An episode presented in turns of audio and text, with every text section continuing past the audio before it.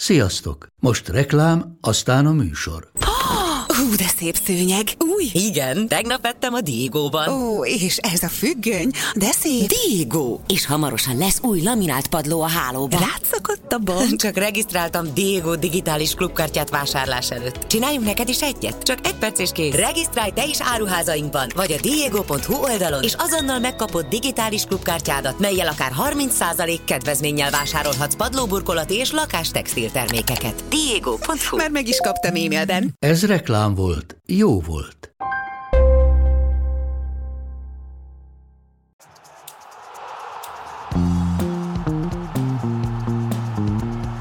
Ez a teljes terjedelem. Magyarország első futballpodcastja.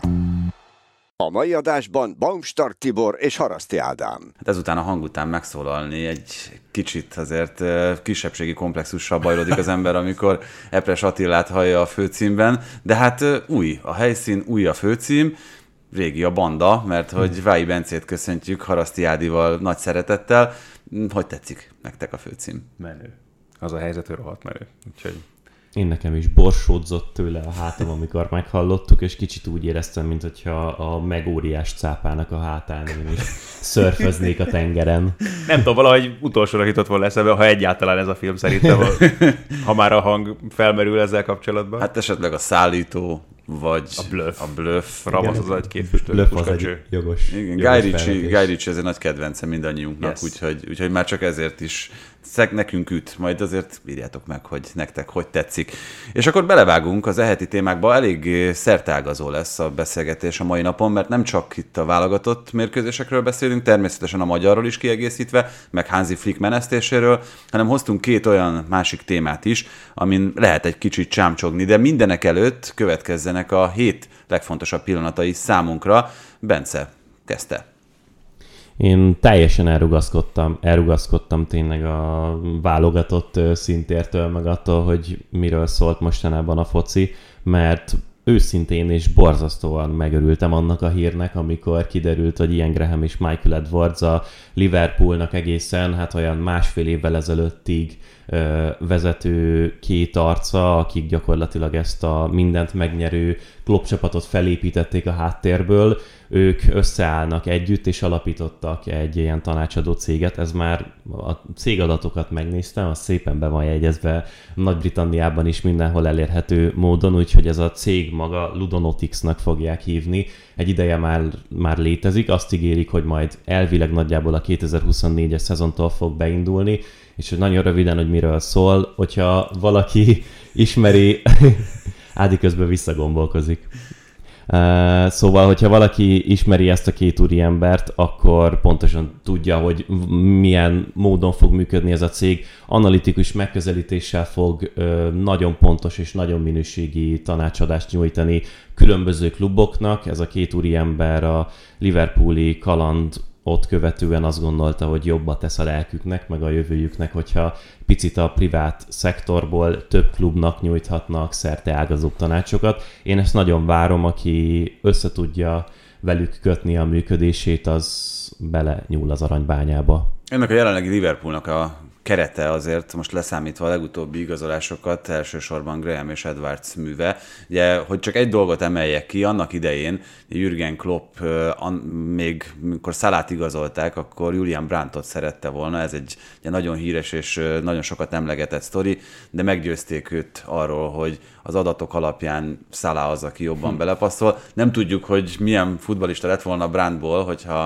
a Liverpoolhoz szerződik, de Salah bejött, ez a legkevesebb, ami elmondható. Ez egy nagyon izgalmas sztori, meg egy nagyon izgalmas vállalkozás, csak egyrészt kíváncsi vagyok, hogy milyen klubok lesznek majd az ő üzletfelei, meg hogy azért nagyon más már, amikor mondjuk erre a szintre keres a játékosokat, mint ami a Liverpool, már megint egy fokkal másabb, hogyha már egy polccal lejjebb keresgélsz, mondjuk már nézzük a, esetleg akár mondjuk a Brighton esetét, és aztán megint nagyon más, hogyha mondjuk még egy pár polccal lejjebb, mondjuk most a Fradi jutott hirtelen nyilván eszembe, hogy egy ilyen, nem tudom, Európába aspiráló klub, klub amelyik szeretne ott lenni a bajnokok ligájában, megint más polcról is kell vadászni, más módon is kell vadászni, úgyhogy nagyon kíváncsi vagyok, hogy mennyire tud így működni egy ilyen cég, de mondom, tök kíváncsi vagyok tényleg az egészen, mert nyilván a módszer is izgalmas, meg az is, hogy nagyobb közönséget kell mondjuk esetleg majd kiszolgálniuk. Látom, hogy huncut módon megcseréltetek közben a kábeleket, úgyhogy előbb Bence helyett Ádámot állítgattam, és most azt hiszem talán megvan a megfelelő hangbeállítás.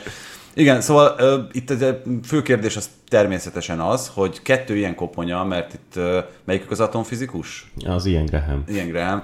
Tehát, hogy uh, kettő ilyen koponya mondjuk fel tudja forgatni úgy a futballvilágot, akár ezzel a tanácsadó céggel, hogy ők nem konkrétan egy klubnak az alkalmazottjai, hanem akár konkurenseknek keresnek olyan embereket, akik ott esetleg tökéletesen beválhatnak. Na ez megint egy izgalmas dolog, tényleg, tehát hogy mondjuk egy bajnokságból hány klubot vállalhatsz be ezzel a módszerrel? Hát ugye ez azért most már más szegmensekben működik így, tehát hogyha az orvoslást nézzük, akkor elég sokszor előfordul az, hogy ugyanaz a professzor dolgozik mondjuk ö, ugyanazon játékosoknak a sérülés. Tehát ez nem versenyelő. Az rendben, ne, azt, de szerintem abból a szempontból más dolog, hogyha mondjuk elképzeljük, hogy tehát ez konkrétan tényleg ugyanaz a HRS dolgozik mondjuk két egymással rivalizáló cégek. Figyelj, Tomás Grönemark, a bedobás specialista is rendszeresen több klubnak adott tanácsot, például a Brentfordnak és a Liverpoolnak egyszerre. Jó, de azt mondom, De figyelj, van egy játékos, aki illene mind a két csapathoz, melyiknek ajánlod be?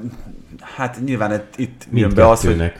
És utána Igen, ők, és ők versenyeznek. el, hogy Aha. hogyan szeretnék, és úgy kell megkötni a szerződést, hogy titoktartás vonatkozik az Edwardsékra, és igazából ők csak a lehető legjobb tanácsot adják a kluboknak, aztán ők tárgyalják le. Nagyon, nagyon vékony jég. Persze, értem egyébként, hogy ez szürke zóna, meg előfordulhat, hogy nekik választani kell, de egyébként tényleg azt hiszem, hogy most már nagyon-nagyon sok ilyen összefonódás lehet a top futballban, pont ehhez kapcsolódóan keresgéltem olyan cégeket, akik meg csak játékosoknak adnak tanácsadást, uh-huh. és ott is bőven van, amikor a rivális kluboknak a kulcsembereiről van szó, és egyszerre egy cég lehet, hogy másik videóelemző, de hogy önmagában a háttér az két elvileg egymással rivalizáló játékos próbál fejleszgetni, úgyhogy ez a top focinak a versenyközegében szerintem meg tud fér, férni, de hát ez majd itt a cég felépítése közepette lesz a kihívás, hogy hogyan, hogyan találják ki az ügyfélkört.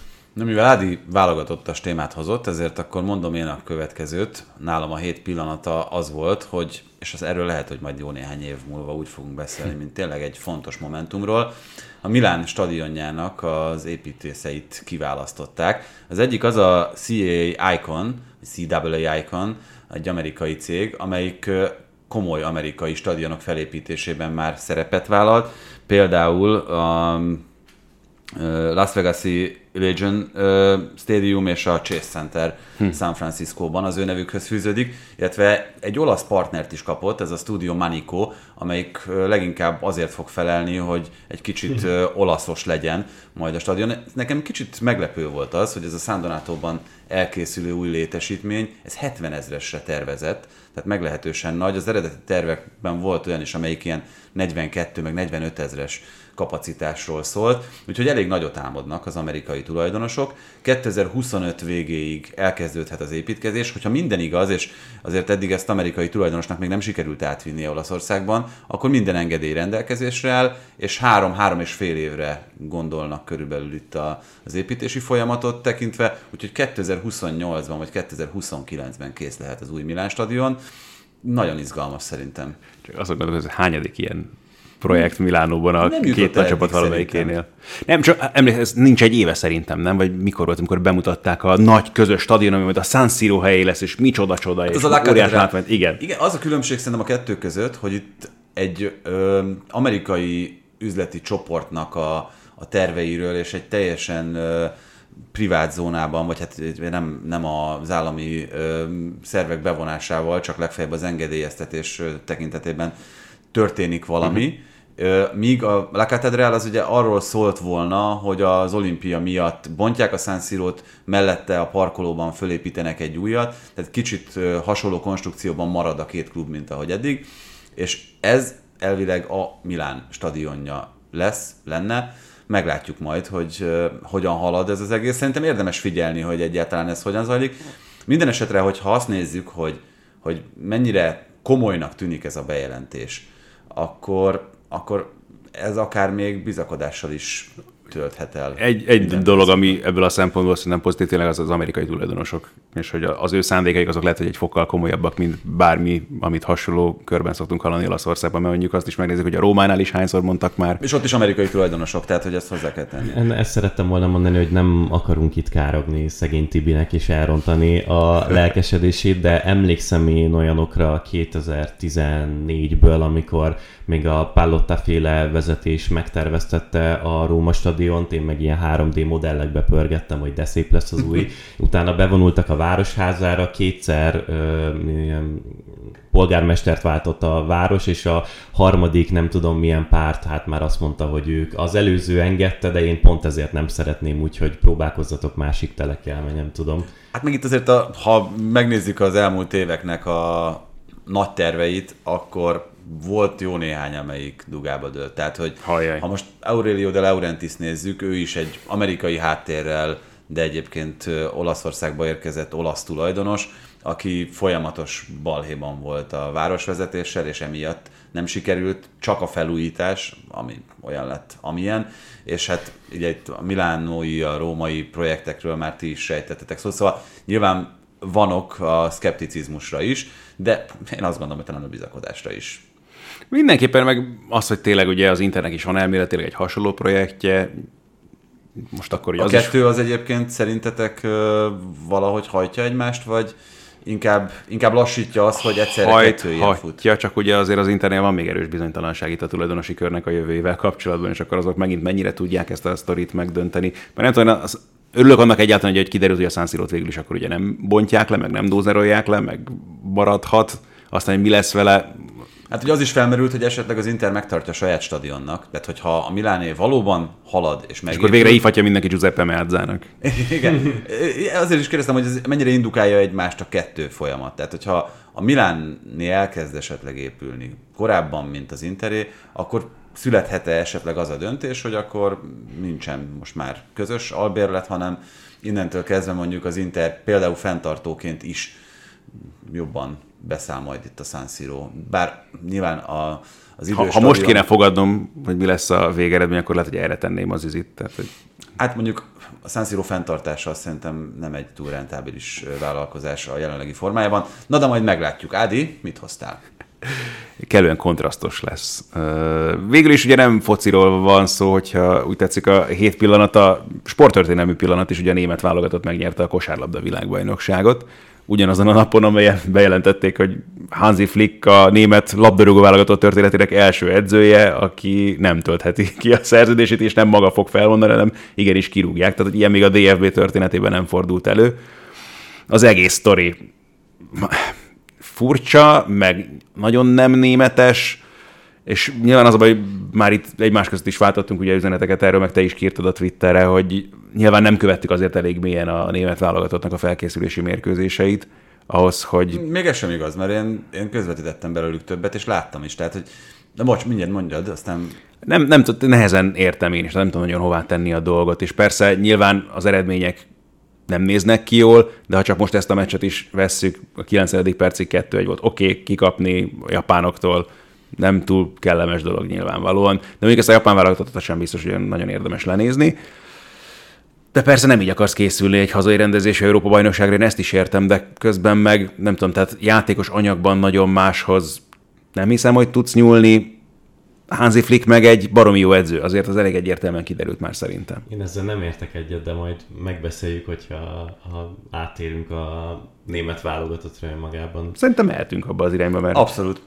Egyébként, amit mondtál, hogy, hogy mennyit tudunk, vagy mennyit nem tudunk éppen az aktuális ö, helyzetről Németországban, akkor szerintem azt fontos, tehát én azt nem tudom, hogy pontosan mi zajlott a háttérben. Nem ismerem azt, hogy milyen volt az öltözői dinamika, nem tudom, hogy milyen volt a vezetőkkel a viszonya, nem tudom, hogy az egyes játékosokkal, vagy az egyes játékosoknak milyen volt a viszonya. Nyilván voltak nagyon furcsa döntései, Slotterbeck ide-oda pakolása, a kérerhez való ragaszkodás, Az valóban fura. Azt soha senkinek sem értjük. Igen, tehát hogy ezek ö, furcsa az, hogy Kimich helyett hirtelen Gündogan lesz a csapatkapitány. Tehát, hogy vannak nehezen megmagyarázható részei ennek a történetnek, de összességében szerintem a fő kérdés az ezzel kapcsolatban az, hogy azt mondják valakinek, a hírek szerint, és tételezzük fel, hogy ez így van, hogy itt a lehetőség, tesztelj, az eredmény nem számít, ragd össze a csapatot, működjön nyárra, és tétmeccsek nélkül, oké, okay, voltak itt kínos vereségek, egyébként pont a Németország-Belgium mérkőzést én közvetítettem, szerintem azon parádésan játszott a német válogatott, hogyha nem is az egész meccsen, de azért a világ egyik legjobb csapata ellen egészen jól teljesített, meg a többi mérkőzésen is, az ukránok ellen is például én közvetítettem, szerintem ott is voltak egészen jó időszakai a csapatnak. Tesztelt Hansi Flick. Tehát akkor most számít az eredmény a felkészülési meccseken, vagy nem számít? Számít. De miért? Mert, mert a válogatott foci annyira elkülönbözik a klubfocitól, ahol egyébként szintén nagyon számítanak az eredmények, és annyira kevés mérkőzésed van, hogy tök mindegy, hogy te éppen hogyan készülsz rá, és ugye vehetjük úgy is, mint hogy a selejtezőket játszottak volna a németek, csak nincsen ténylegesen ilyen tétje ezeknek a mérkőzéseknek. Bocs, Ott szerintem, kell. szerintem amikor ha házigazda vagy egy Európa-bajnokságon, akkor pont az a hatalmas előnyöd, hogy neked ott van az a másfél év, amit a többiek tétmeccsekkel uh-huh. kell, hogy eltöltsenek, hogy te azt csinálsz, amit akarsz. És itt ez a faramúci ebben a dologban. Tehát, hogy azt mondod a szövetségi kapitánynak, hogy nyugodtan dolgozzál, mert ezek most felkészülési mérkőzések, és majd az elvén kiderül, hogy mi lett ennek a munkának az eredménye, akkor meg ez kicsit hasonló sztori, mint amikor fordult már elő olyan például gyorsasági motoros versenyen. Ugye azt mondják, vannak a szabad edzések, és aztán van egy időmérő edzés. De aztán időjárás miatt elmaradt a kvalifikáció, és akkor a szabad edzések alapján lett egyszer csak hirtelen kiosztva a rajtrács a versenyzők között, ami egy tök faramúci dolog, mert ott is a szabad edzést arra használod, hogy kipróbálja egy csomó dolgot a beállításaidon. Itt ugyanezt történik, tehát a csapatodat, próbálgatod, játékosokat, elméletileg ezeknek az eredményeknek aztán tényleg sehol nem kellene számítaniuk. Mégis valahol félig meddig úgy tűnik, hogy ez alapján történt a döntés. Más kérdés, hogy azért persze hallunk olyan dolgokat is, hogy nem biztos, hogy Flick és a játékosok között minden feltétlenül rendben Persze, ez az, ami, az, amit tényleg nem tudunk, és elképzelhető, hogy, hogy ez, ez még indoka is lehet annak, hogy őt menesztették. Viszont az, hogy a német válogatottnak jelen pillanatban csak, nincsen normális balhátvédje. Na várj, nem csak bocsánat, csak az a fura ebben, tehát hogy ha ez is az indok, ha tényleg ez lett volna az indok az elbocsátáshoz, akkor nem két meccs között rúgott ki.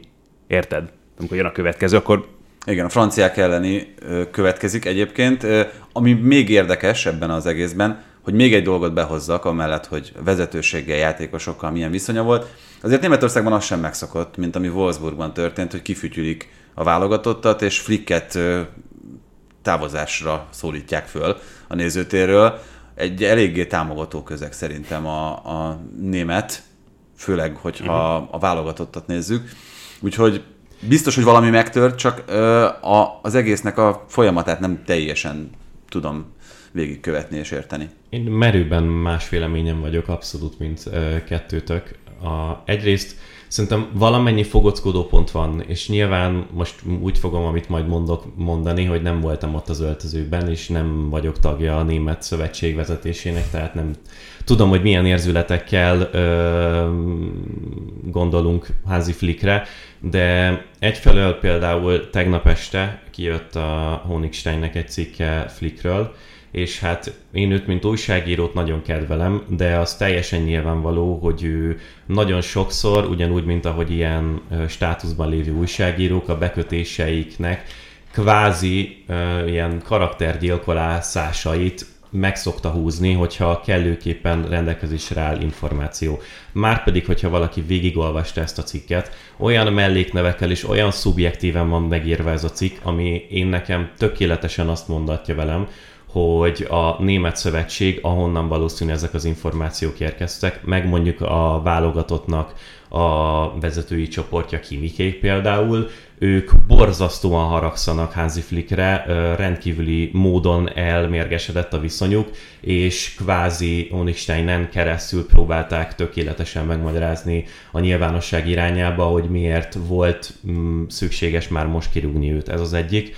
A másik pedig, hogy a világbajnokság alatt az Amazonnak van az All or Nothing című sorozata, amit egészen eddig klubcsapatokkal csináltak csak, például az első Manchester City évad az szerintem szinte ikonikus az ilyen futball dokumentum sorozatoknak a tematikájában, és a világbajnokság alatt ők a német válogatottal mentek a, én nem láttam végig az egész sorozatot, láttam belőle három részt, és megpróbáltam elolvasni minden olyan kritikát, meg bármi cikket, ami a tartalomról beszélt.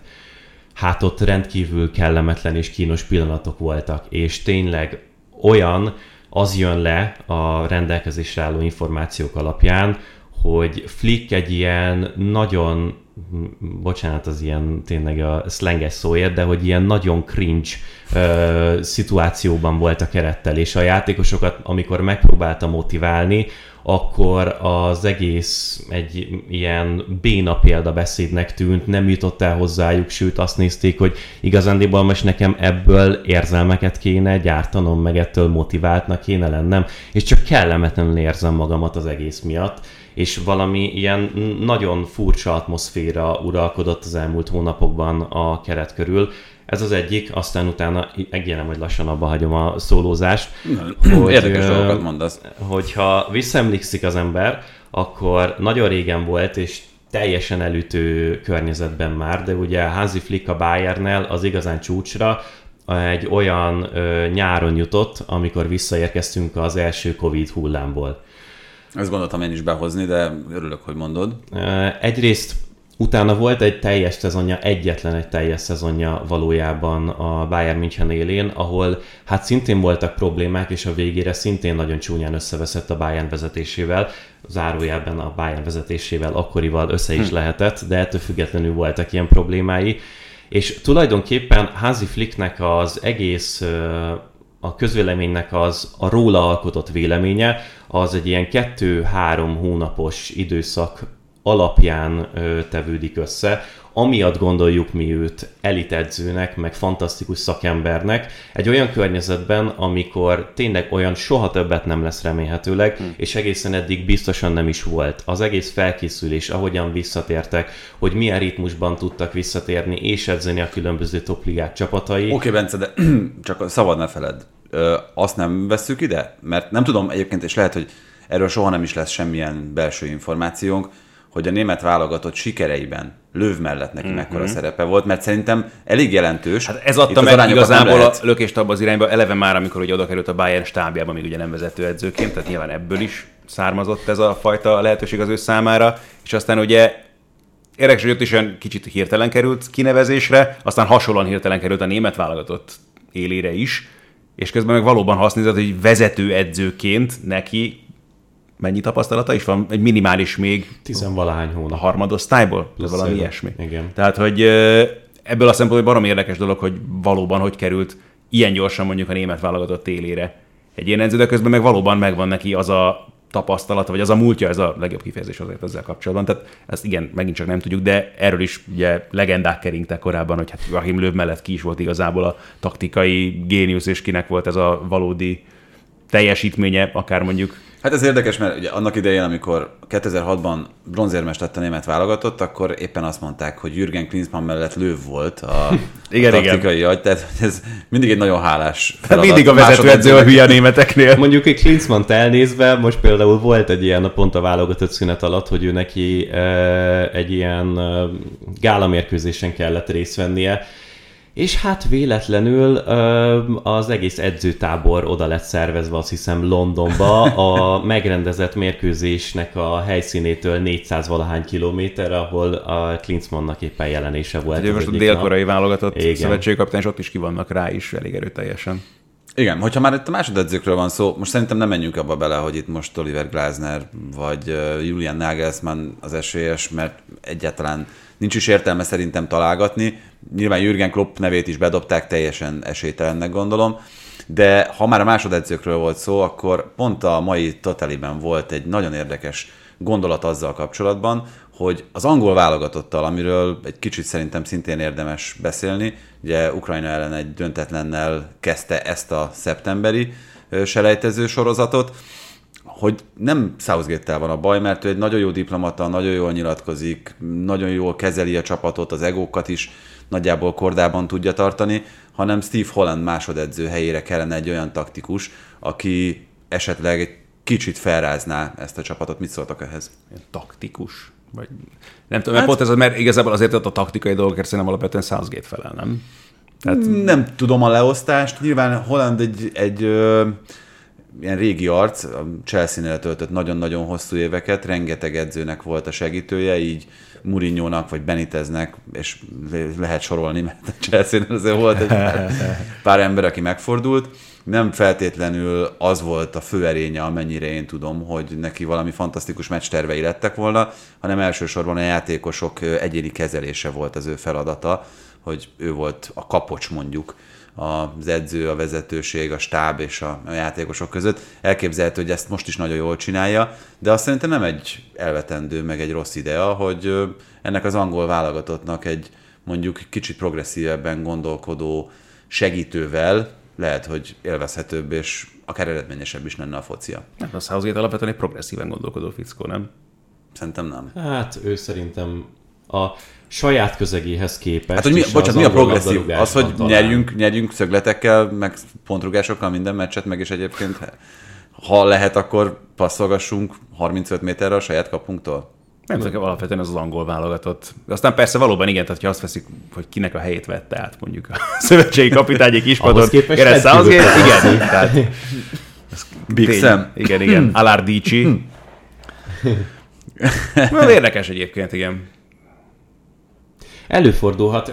Én, én még így pont Flick kapcsán arról agyaltam, hogy na, annyira nehéz és teljesen más világ szövetségi kapitánynak lenni, meg az egész válogatott foci olyan szinten elkülönül mindentől, amivel általában a labdarúgás kapcsán foglalkozni szoktunk, hogy itt tényleg a lehető legbutább apró alkotó elemekre lekorlátozódik az, hogy te milyen munkát tudsz végezni.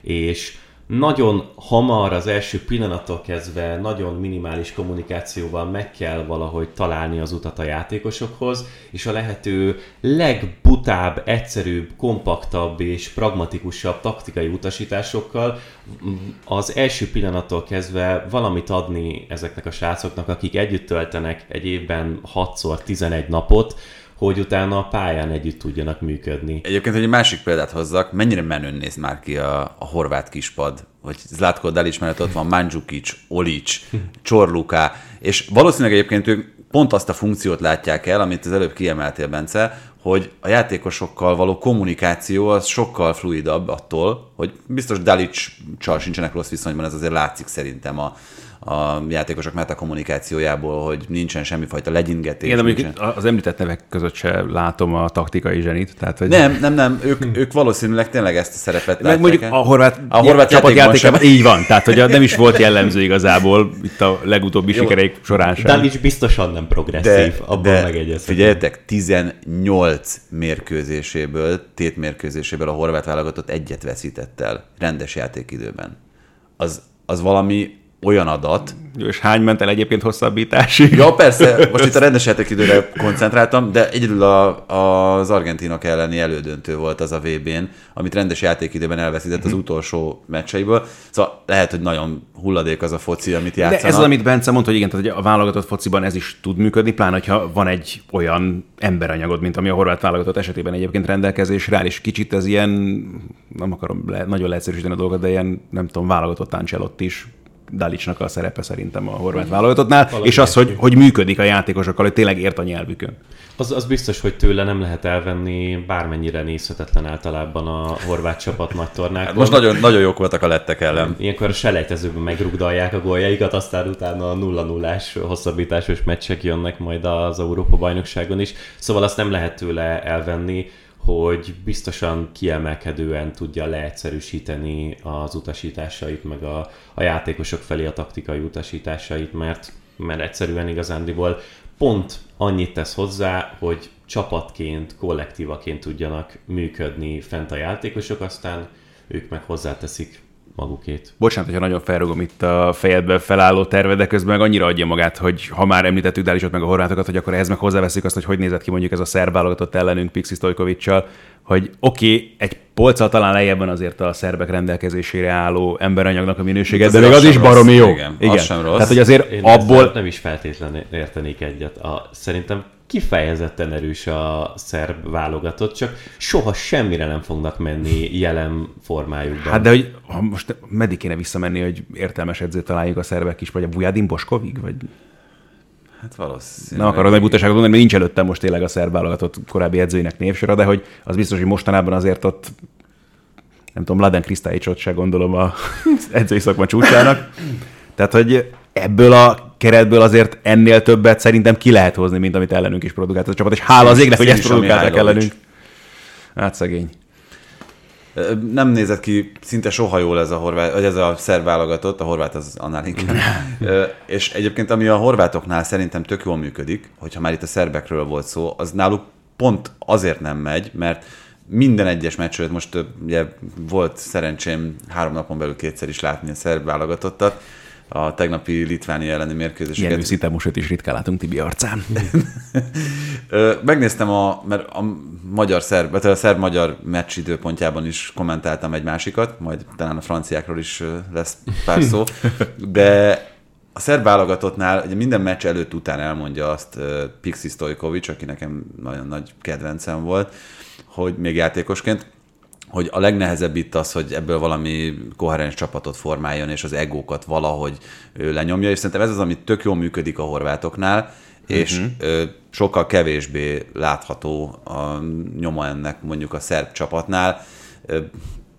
Kicsit az volt az érzésem például ott a litvánok elleni mérkőzésen is, hogy Mitrovicsnak addig volt érdekes ez a meccs, amíg megrúgta a mesterhármasát, utána gyakorlatilag pihent a Saudi Liga következő De ez mondjuk valahol érthető. mérkőzés. Persze, csak tényleg az volt az ember, és lehet, hogy már csak én akarom ezt belelátni, hogy mindenki egy kicsit saját magáért küzd. Vlahovics is saját magáért küzd, Milinkovic Savic is egy kicsit magáért küzd, Gudei is, tehát hogy nagyon, nagyon sok, nagyon jó futbalista van ebben a csapatban, Tadic. hát az Tadicsal, igen, aki most ugye már Törökországban játszik.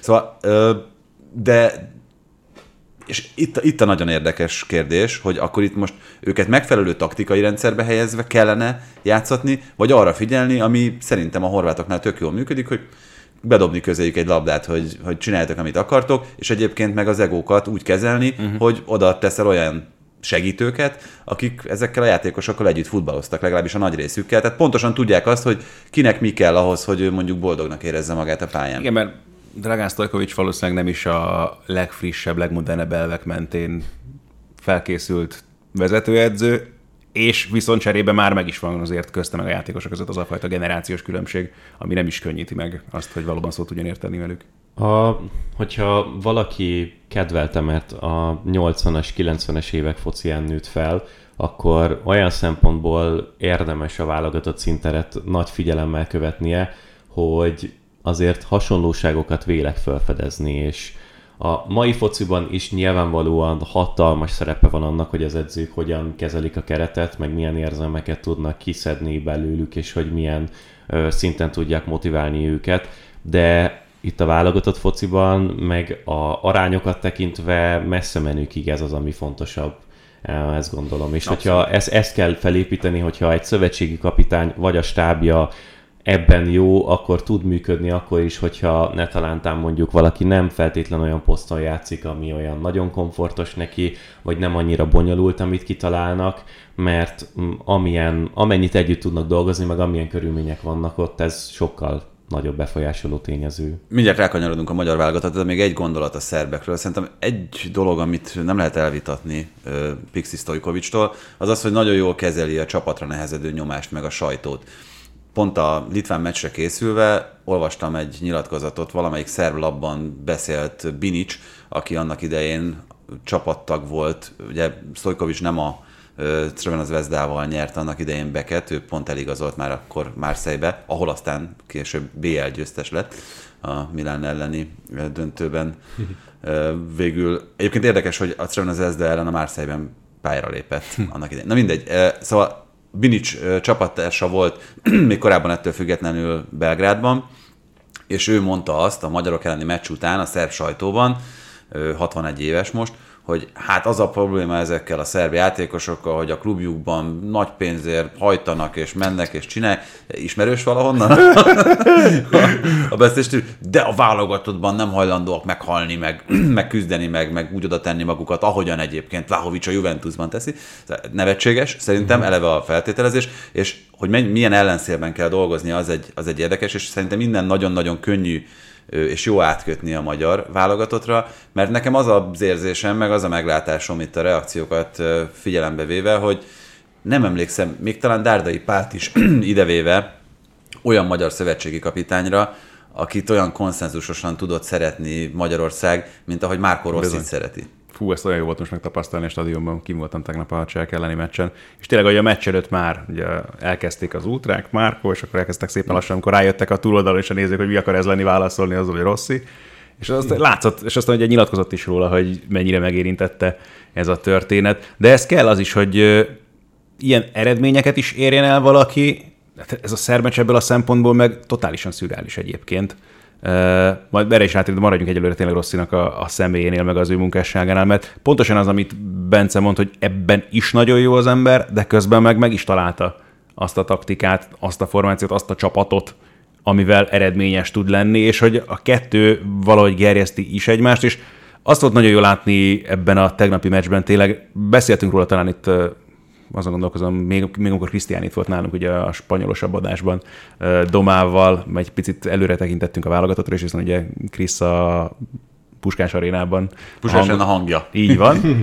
és uh, arról, hogy hát vajon majd azért itt kulcsjátékosok mennyit, hogyan fognak játszani ezen a mérkőzésen, és hogy parádé volt ebből a szempontból tegnap ez a magyar válogatott. Más kérdés, hogy nyilván azért itt a meccs utolsó harmadára mind a két oldal már hogy kicsi elfogyni látszott, de összességében meg tudták, hogy mi kell ennek a közönségnek, hogy ki kell szolgálni ezt a közönséget még egy ilyen mérkőzésen, és nyilván azért volt ennek a meccsnek is fontossága a válogatott szempontjából is, meg az ő közös munkájuk szempontjából is, de hogy ez a csapat így ebben a formában, ahogy van, fú, nagyon rendben van. És az is úgy tűnik, hogy Rossi akárkihez nyúl, akármilyen taktikai döntéseket hoz, azok ülnek, valahogy működik minden. Igen. Szoboszlainak a szerepe a középpályán az ilyen szempontból egy ilyen nagyon aprócska döldbetűs kérdőjel számomra. Nagyon érdekes, hogy kísérletezik vele, de... Az érdekes, amit felvetettél itt az adásra készülve is, hogy érdemes megfigyelni azokat a válogatottakat, ahol van egy ennyire kiemelkedő Mhm. mm-hmm. alak, mint amilyen jelen pillanatban a magyarban Szoboszlai, ugye Alabát, Lewandowskit hoztat, hogy nekik mennyire különbözik a szerepük, még kicsit szokjuk az új helyet, szóval mennyire különbözik a szerepük attól, amit a klubcsapatukban ellátnak, ott nyilvánvalóan egy részfeladatra alkalmazzák őket, egyébként még ha Liverpoolos példa, akkor Wijnaldumöt mondanám, aki a válogatottban például sokkal univerzálisabb szerepben játszott rendszeresen, mint amennyire le volt az korlátozva. Hát ebből a szempontból tényleg. Alaba a minősített eset, aki ugye játszott annak idején először még bal hátvédet a Bayernben, akkor azért az osztrák válogatottban már sokszor szél- szélsőt, vagy inkább középső Tízest. középpályás, vagy inkább tízest, így van. Aztán lett belőle egyszer csak ugye közép hátvéd a Bayernben, aztán ugye Madridban is. Aztán ezt amit egyébként, ha már Bayern, ugye Alfonso Davis megint csak, aki ugye a Bayernben abszolút bal hátvéd lett, a kanadai válogatottban azért jóval előrébb, meg jóval támadóbb szerepkörben játszott. Szóval van, és Lewandowski esete meg talán egy picit annyiban más, hogy szerintem nem volt szerencséje azért olyan kompetens vagy megfelelő edzőkkel dolgozni mondjuk a, a válogatottnál, mint a klubcsapatában, vagy klubcsapataiban most már. kevés gyalázatosabb válogatott csapat fog, focizik az elmúlt Fú. három évben bármilyen pályán, mint a lengyel válogatott. Ennyire szólsz. nézhetetlen, semmilyen helyzet nélküli, kompetenciát nélkülöző és unalmas megint csak úgy, hogy- borzasztó. Abszolút, és oké, nyilván nem említeném az ő keretüknek a minőségét a szerbekével egy szinten, de azért egy jó kerettel rendelkeznek a lengyelek és hogy biztos hogy lehetne ebből többet kihozni, mint amit ők produkáltak, és pláne úgy katasztrófa tényleg, hogy van egy olyan Robert Lewandowski, de akinek nem kell semmi, csak hogy ott a kaputól egy ilyen 20-25 méterre adod neki a labdát, és akkor rendben vagy. És hogy tetszett Szoboszlai egyébként? Mert szerintem a szerbek ellen egy magához képest haloványabb mérkőzést produkált, de ettől függetlenül azért nem De ott meg valahogy meg rosszul a feladatot. Valószínűleg erre is volt szükség. Tehát, hogy ez, a, ez az este, abból a szempontból, tehát nyilván azért a futball élmény, mint olyan a szerbek elleni mérkőzésen, az nem volt hatalmas. De az, hogy pláne ott 0-1 után, vagy 1-0 után egy lyukas Fabregas ezt nem adtam volna egy x sem, aztán ehhez képest meg, megnyertük ezt a meccset. Oké, okay, tehát voltak azért Dibusznak védései, meg voltak lehetőségek a szerbeknek úgy összességében, de hogy úgy tartottuk őket ennek a csapatnak a, nyilván ez nem is feltétlenül azért taktikai bravúr volt mondjuk, amit itt a szervek ellen produkáltunk, hanem tényleg volt egy tartása ennek a csapatnak, benne volt a meló mindenki részéről a játékban, itt most nem történtek tényleg különleges dolgok, de ezek a dolgok rohadtul nem jöttek össze régebben nekünk. Tehát eleve az, hogy megfordítani egy ilyen meccset, az se idegenben, egy ilyen válogatottnak az otthonában, amely meg ugye ennek a csoportnak egyértelműen a legnagyobb esélyese volt a sorsolás pillanatában. Szóval akkora bravúr, amihez hasonlót tényleg itt a a saját emlékeim közül egyszerűen nem tudok előkotorni, mert nem volt ilyen. Hát lassan erre azért úgy elfogynak a, a Igen, jelzők, igen. mert, mert igen, nem, nem, ezt, nem ezt szoktuk meg. Nagyon nehéz, és persze aztán lehet, hogy a saját kisítőségünk, vagy az én ki- saját kisítőségem beszél magamból, amikor azt mondom, hogy oké, okay, persze most ez a szerb válogatott olyan, amilyen, és nem tudom, hogy másik csoportban, másik első kalapos Ezzel ellenfél lesz, lesz, de így van, tehát hogy ezzel per pillanat rohadtul nem kell foglalkozni. Nem akarom tényleg, át, nem akarok átesni a lónak a túloldalára sem, meg óvatosan meri az ember magasztani a magyar válogatottat, de tényleg az van, hogy szépen lassan el kell hinnünk, hogy nekünk van egy egészen potens csapatunk, Aminek persze olyan a játék, amilyen meg megvannak a játékának a határai, de például, hogyha kijutunk az Európa-bajnokságra, akkor lehet, hogy éppen még egy ilyen tornán tud kijönni ennek a, az upside-ja. Simán, meg Dominik csak ennél jobb focista lesz Milos Kerkezre, ez ugyanígy Hú, igaz. A Lugács Andris is majd egyszer vissza fog térni, remélhetőleg a sérülésből, és akkor már is a középpályán nem kell akkor a szerepet felvállalni a szoboszlainak, de szerintem egyet érteni, vagy tehát csak egyet tudok érteni azzal, hogy szerintem is egy ilyen melós, rakkolósabb teljesítmény kellett tőle, ami amúgy tök jól egybevág azzal, ahogyan a Liverpoolban eddig ezen a négy bajnoki mérkőzésen szerepelt. Attól függetlenül, hogy mindenki úgy gondol teljesen jogosan Dominikra, mint egy kreatív középpályás, attól függetlenül azért ő neki ennél sokkal ö, sokszínűbb a játéka, sokkal több mindent tud beletenni egy csapatnak a működésébe, és tök jó az, hogy a válogatottban is kijön ez az egész. És ezt nagyon fontos megérteni mindenkinek. Tehát egyrészt Dominik sikereinek ez az egyik legfontosabb kulcsa, azt hiszem. Sokat beszélgetek ugye a tetoválásáról akkor, amikor megjelent Liverpoolban, hogy ez a Steven Gerrardnak tulajdonított mondattal, hogy mit ér magában a tehetség a meló nélkül nyilván semmit, és hogy a mai modern fociban meg aztán végképp, tehát te lehetsz te baromi kreatív, baromi ügyes, baromi technikás játékos, hogyha emberhátrányt jelentesz védekezésben, akkor nem lesz helyed a világ legjobb csapataiban. Dominik ott van a világ egyik legfontosabb klubjában jelen pillanatban, és pontosan azért, mert azt gondolják, hogy érdemes rá, és ezt egyelőre bizonyítja minden mérkőzésen a Liverpoolban is. Egy hajtűkanyart csak ha hadd ejtsek meg, bocsánat, uh, Egri Viktornak is kedvezve, hogy uh, ugyan dél-amerikai fociról most nem fogunk beszélni, de a brazil válogatotthoz ideiglenesen éppen Fernando Diniz ült le, aki a Fluminense-nél, hát az elmúlt ö, években most már a Twitter elemzői közegben, meg azért valamennyire már a szaksajtóban is egy ilyen egészen ö, legendás szerepkörig jutott el, mert hogy teljesen más focit nyomat ő a csapataival, mint amihez az európai szem hozzászokott, és abszolút más alapokon működik. Na most ő egyrészt egyébként a brazil válogatottal néhány hónapig tesz egy kísérletet, amíg majd Ancelotti le nem ül, vagy majd me- megtudjuk, hogy mi fog történni. De addig ez egy egyébként egy érdekes. Nagyon érdekes. Na, igen. nagyon. Hát ez abszolút a modern köntösbe bújtatott visszatérése az egykori brazil gyökereknek, úgyhogy ez egy ez nagyon érdekes vállalkozás a jelenlegi kerettel. Na de ami ránk vonatkozik, hogy azt hiszem Mészáros Ábel volt az, aki írt erről egy rövidebb elemzést Twitteren. Ő vélte felfedezni, teljesen jogosan egyébként, egy kicsit, mint hogyha ilyen dinizes, fluminenzis jellege lenne néhol a középpályás játékunknak, és ebben Dominiknak hatalmas szerepe van, mert ott például abban a brazil csapatban azok a középpályások, akik kreatív szerepet visznek, meg támadó felfogásban játszanak, ők sokszor nagyon mélyen és ilyen nagyon kombinatívan vissza lépnek, hogyha egész egyszerűen nem áll rendelkezésünkre olyan keret, ahol három nyomás alatt építkezésben nagyon jó középpályással föl tudnánk állni, akkor ezt meg lehet úgy oldani azzal, hogy Dominik kis területekre, kis kombinatív játékokra visszalépeget, és úgy visszük föl a labdát, ami egy ilyen nagyon izgalmas apró adalék. Igen, egyébként, ha vissza lehet tenni, ez kicsit a horvátoknál is így uh-huh. működik, ott is egyébként az erősségekre építve.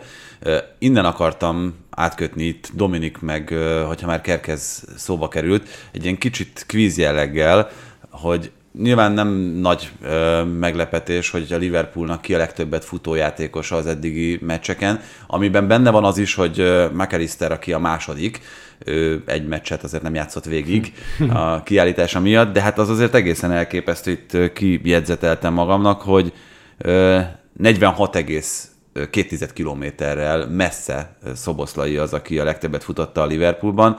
Ez négyel több, mint amennyit McAllister teljesített, és Robertson az egyetlen még, aki 40 fölött van, és Kerkes szerintetek az egész liga szintjén a Premier League-ben miben a legjobb, ha itt futóadatokat nézünk? Sprint. Igen. Jó, nagyon jó a tipp. Van, van még más? Sprintben megtett távolság, a teljes Aha. Premier League-ben, és egyébként az öt európai topligában, ami kicsit persze félrevisz, mert a Bundesligában a kiemelkedő Alfonso Davis egy meccsel kevesebbet játszott, de Kerkez 2,7 km teljesített sprintben, ami egy egészen döbbenetes adat. Itt is kijegyzeteltem a legjobbakat. Pedro Neto a második, Egyébként érdekes, hogyha ezekre a játékosokra ránézel, akkor úgy, úgy tudod is, vagy úgy, úgy látod is, hogy ezek állandóan sprintben közlekednek. Mm. Ugye a Wolverhampton játékosa, és Szolánki, valamint Son, tehát két Bormus játékos a top 3-ban, az, aki holtversenyben a harmadik helyen áll 2,3-mal. De hogy kerkezebben milyen szinten kiemelkedik, az döbbenetes, és akkor csak egy kicsit ilyen fun idehoztam, hogy egyrészt ugye az egész bajnokságban a legtöbbet jelen pillanatban. Kicsit rácsavarodtam ezekre a futóadatokra, bocsánat. uh, Sanderberg. Esetleg futsz? Sanderberg futott. Hát, hogy most túl sok olasz bajnoki meccset nézel, és ott maradsz a fél időben, és akkor elkezdik feldobálni ezeket a totál értelmetlen statisztikákat. A nem ezeket. A, így van. Igen, igen, az emelkedés magassága, meg ilyen. 11,1-el Sanderberg a legtöbbet futójátékos a Premier League-ben. Ehhez képest, és akkor itt megint a quiz, mennyit fut Lionel Messi átlagban egy MLS meccsen? Sprintben vagy összesen? Összesen. Kilométerben? Igen. Vagy ott már mérföldben kell meg? Kiló, kilométerben számolunk. A felét. 7,2. Na, nem rossz. 7,9 ebből három és felet sétál. Tehát, hogy a, nem mennyit fut, hanem mennyit mozog, igazából ez a, ez a kérdés, és a sprintjeinek a százaléka a legalacsonyabb az összes játékos közül, 2,3 százalékot teljesít sprintben. Hát ettől függetlenül az látjuk, a, az hogy mennyire... Gól. Igen, az, az, az de, összes sprintje végén. Hát, végülis, tehát tényleg csak a fontos pillanatokra tart elég, akkor Lionel Messi, amikor gólt szerez. meg, hát, az ember ebben a korban már. Igen, arra, arra lennék kíváncsi, hogy amikor neki fut például a szabadrugásoknak a sprintnek számít-e, és ez beleszámít a 2,3-ba. Na de ennyire azért ne menjünk el más irányba. Még egy dolgot a magyar válogatottal kapcsolatban, meg itt a magyar témákkal kapcsolatban szerintem mindenképpen néhány mondatban érdemes feldolgozni, ez pedig ifjabb lisztes Krisztián hmm. Frankfurtba igazolása. a jelenlegi konstrukció az úgy néz ki, hogy 4,5 millió euró az, amit fixen kap érte a Fradi, és 5,5 millió a bónusz, tehát egy elég furcsa meg egy izgalmas konstrukcióban szerződtette őt a német csapat, és hogyha lehet hinni azoknak a híreknek, hogy milyen klubok álltak még érte sorban, akkor... Hát, akkor... vagy jelezték érdeklődésüket, tehát ilyen kezeik szerintem voltosan mindig ezeket az információkat. De tök tehát, hogy ha, ha egyáltalán megnézték valaha, nem tudom, Vice-Scouton már az is pozitív. Abszolút, az, az volt nekem is a legpozitívabb, amikor kijött azt, hogy milyen csapatok fontolgathatnak esetlegesen azt, hogy jó, igen, tehát, hogy a Ferencvárost arról, hogy... Nyilván itt akár ez, hogy a klubok vagy az ügynök felé történt a kapcsolatfelvétel, azt nem tudjuk, hogy ez mennyire eszkalálódott ez a dolog, de minden esetre jól mutat. Az biztos, persze. Az, az tök jó, hogy nagyon fiat, viszonylag fiatalon megint egy újabb magyar játékos ki tud menni egy topligának az első keretének a környékére, úgyhogy hajrá azt. Ezt már elsütöttem Twitterre, hogy ez milyen vicces, hogy gyakorlatilag ugyanúgy néz ki az ő átigazolásának a konstrukciója, mint annak idején a papának, amikor ugye a Fradinál szintén ugye ez volt, hogy még egy évet maradt, sőt aztán aztán átcsúszott talán kettőbe is, mert mint a már 95-ben. Na jó, ebben nem akarom mindegy belemenni, de lényeg, hogy tényleg még várnám, hogy érkezzen a Merci is majd ifjabb lisztesnek is, ha nem is Stuttgartból, de Frankfurtból. Viszont nagyon elkanyarodtunk itt a válogatott, csak egy dologra szerettem volna még visszatérni, ha már itt tényleg pozitív fejlemények, meg uh, Varga Barnabás basszus, van centerünk is most már. Igen, Ez hogy van? aki gólt is szerez. Még az is, de hogy működik mindenben. Tehát, hogy pont arról beszélgettünk, Uh, még a szerb meccset, hogy hú, hát azért lehet, hogy itt majd azért tényleg Ádám Martira lesz szükség majd azért Belgrádban, mert birkózni kell, meg mit tudom én. Hát nem. És jó, megint milyen gólokat lőttünk, oké, persze. De ott kell lenni, be kell lőni, meg kell csinálni ezeket, és hogy tök jó kivette maga részét a játékokból most itt a cseh elleni meccsen is. És pont az, hogy ha beszéltünk már arról, hogy Szoboszlainak is milyen változó, vagy dinamikusan változó szerepe tud lenni a játékban, hogy az, az egész támadó sor tulajdonképpen Vargának is köszönhetően egyébként ugyanúgy, ha kell, ő is egy csomószor jött vissza, ugye most a Cselk ellen is a labdáért, akkor ha kell, volt olyan, hogy Négó volt bent éppen centerként, mert éppen úgy alakultak a dolgok, volt, hogy Sallai, tehát hogy tök jól működik ez is ebből a szempontból, és hogy baromira illik ebbe a csapatba ő is. No, akkor még nagyon röviden, csak néhány gondolat, és nem is feltétlenül kell, hogy mind a ketten, hogyha nem akartok, akkor hozzászóljatok. Itt a francia válogatottal kapcsolatban egészen elképesztő mennyiségű tehetség. Kamavinga az utolsó percekre áll be a csapatba, és akármilyen poszton bevethető gyakorlatilag.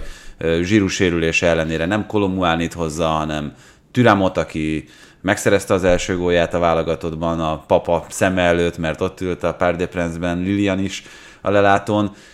Mégis ettől függetlenül azért van egy nagyon kicsi hiányérzete mindig az embernek, amikor francia válogatottat néz, mert azt gondolja, hogy ezek a játékosok, ezek valahogy tudnának jobban játszani. De közben meg... Hát közben meg igen, igen az eredmények így van. Igen. Deschamps igazolják, abszolút.